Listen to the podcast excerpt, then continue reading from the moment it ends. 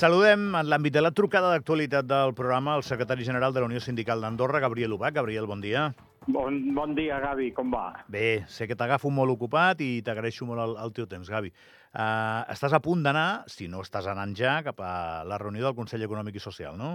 A les portes. A les portes. Primera, primera pregunta, i és clara. Avui l'USNA a aquesta reunió assisteix amb algun objectiu en concret?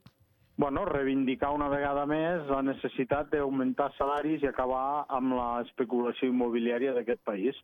Jo ja m'he queixat moltíssimes vegades de que el govern no vol acabar amb l'especulació immobiliària d'aquest país perquè nosaltres hem portat eh, solucions a sobre la taula i el govern no les vol aplicar. I en segon lloc, la necessitat d'augmentar uns salaris perquè cada vegada la vida és més cara, cada vegada és molt més difícil viure en aquest país i hem de ser clars que hem d'augmentar no solament els treballadors, sinó també els pensionistes el poder adquisitiu d'aquesta gent. Quan tu dius el tema dels salaris, Gavi, et refereixes, òbviament, al mínim i al que no és el mínim, no? Què seria per tu una proposta per part de, en aquest cas patronal, o si, si govern la pot dirigir una miqueta satisfactòria en aquesta reunió d'avui? Bueno, nosaltres el que tenim clar és que els salaris han d'augmentar i han d'augmentar com a mínim el que nosaltres havíem demanat, que era un mínim dels mínims. Eh? Nosaltres havíem demanat d'augmentar els salaris un 8% a part de l'IPC, perquè l'IPC ja és el que puja la vida. Llavors, si el que puja la vida no ho augmentem, al contrari, el que fem encara perdre més poder adquisitiu.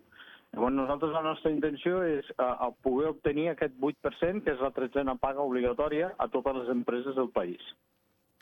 I com creus que estàs de lluny d'aquest objectiu?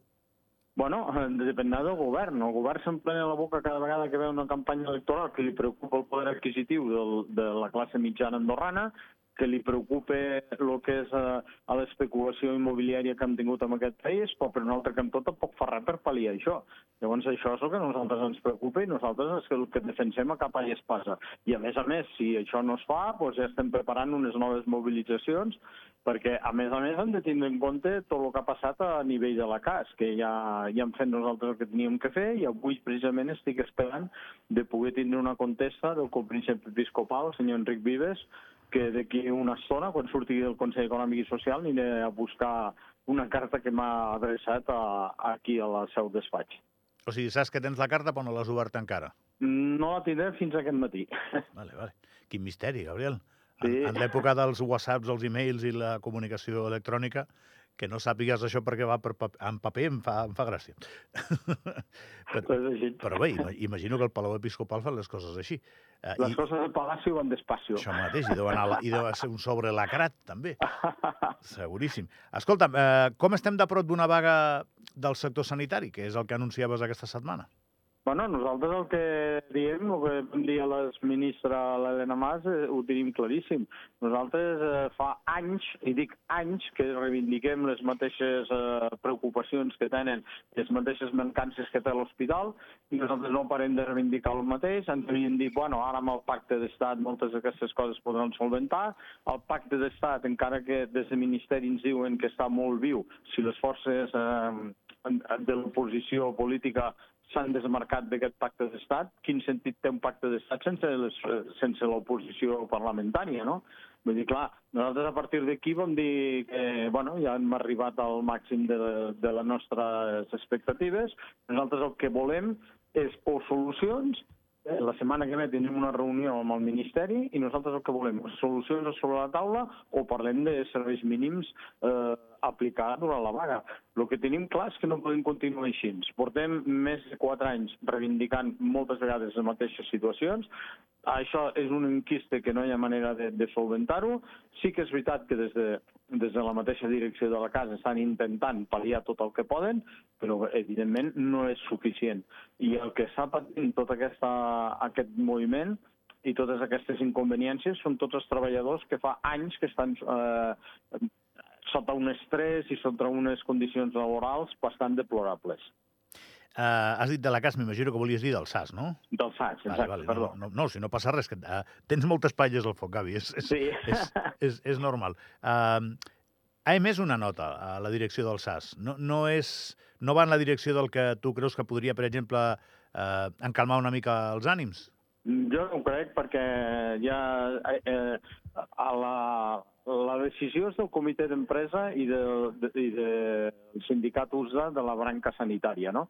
Però jo crec que jo he assistit ja a l'època del ministre Benazet, després a l'època del ministre Font i ara amb l'època de la ministra Elena, i sempre estem amb el mateix, no? Sí, sí, prenem nota, sí, sí, eh, teniu raó, hem de mirar de, de pal·liar tot això, però clar, mm, els greus problemes, els problemes greus no s'acaben de resoldre per motius pressupostaris, per manca de personal, manca de, de, de mitjans, hi ha tota una sèrie de coses i d'organització també. Llavors, eh, hi ha tota una sèrie de coses que no s'acaben d'aclarir, no s'acaben d'arreglar. I això és el que hem d'arribar a, a començar a sentar-nos en una taula i trobar solucions, però solucions no per demà, no, per abans d'ahir. Quan dius que s'acosten mobilitzacions, et refereixes a mobilitzacions de l'estil de l'última, amb 3.000 persones convocades, perquè allò era supertransversal per tothom, Gavio, o coses nosaltres més... Esperem, nosaltres esperem que la pròxima mobilització sigui molt més nombrosa, perquè nosaltres la nostra expectativa està ficada de que eh, una de dos, o sortim al carrer i a protestar i a dir que aquesta no és la política que nosaltres volem, aquesta no és l'Andorra que nosaltres volem, no volem l'Andorra dels especuladors, no volem una Andorra que tots els treballadors i treballadores hagin de marxar fora d'Andorra perquè no poden pagar el pis aquí a Andorra, no volem una Andorra que els nostres fills hagin de començar a marxar perquè no poden eh, desenvolupar la seva vida normal, que quan arribin al moment de trobar una parella i, i de poder um, expandir-se a, a la vida no puguin fer-ho perquè no són capaços de trobar un pis o se'ls demani 2.000 euros de, de lloguer d'un pis. Aquesta no és l'Andorra que nosaltres volem. Nosaltres volem l'Andorra que tothom pugui viure, si no pot ser l'Andorra dels 100.000, que sigui l'Andorra dels 80.000, perquè ja hi som, però que els 80.000 que estiguem al país puguem viure en condicions dignes. I també no volem que en el moment d'arribar a la nostra jubilació haguem de marxar perquè haguem de viure de la caritat dels nostres fills o realment de l'assistència social. Aquesta no és l'Andorra que nosaltres volem. Jo crec que jo tampoc i, i, i ningú vol aquesta Andorra. El problema... Sí, és, el, el, és el que ens estan eh, oferint, eh? El problema és que la situació s'està complicant aquests darrers anys, si això no et falta raó. Crec que no ho discuteix ningú.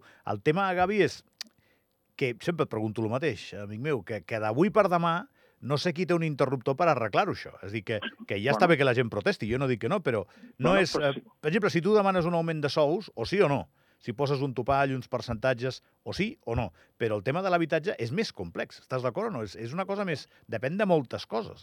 No, no creguis, eh, és bastant més senzill que això. El que passa és que si quan nosaltres vam començar a parlar del tema de l'habitatge, i això et parlo de fa sis anys enrere, si hagués començat a, fi, a ficar fil a l'agulla, ara no estaríem com estem. El, el problema és que en aquell moment el govern de DA ens deia no, no, això s'ha de deixar a la llei de l'oferta i la demanda. A la llei de l'oferta i la demanda ja veiem on ens ha portat. Les polítiques neoliberals es poden aplicar en alguns sectors, però en d'altres no. I està vist no solament a Guindorra, sinó que a tot arreu, a tot arreu d'Europa i inclús del món, que les polítiques neoliberals, neoliberals han fracassat estrepitosament. I aquí no ha sigut una excepció.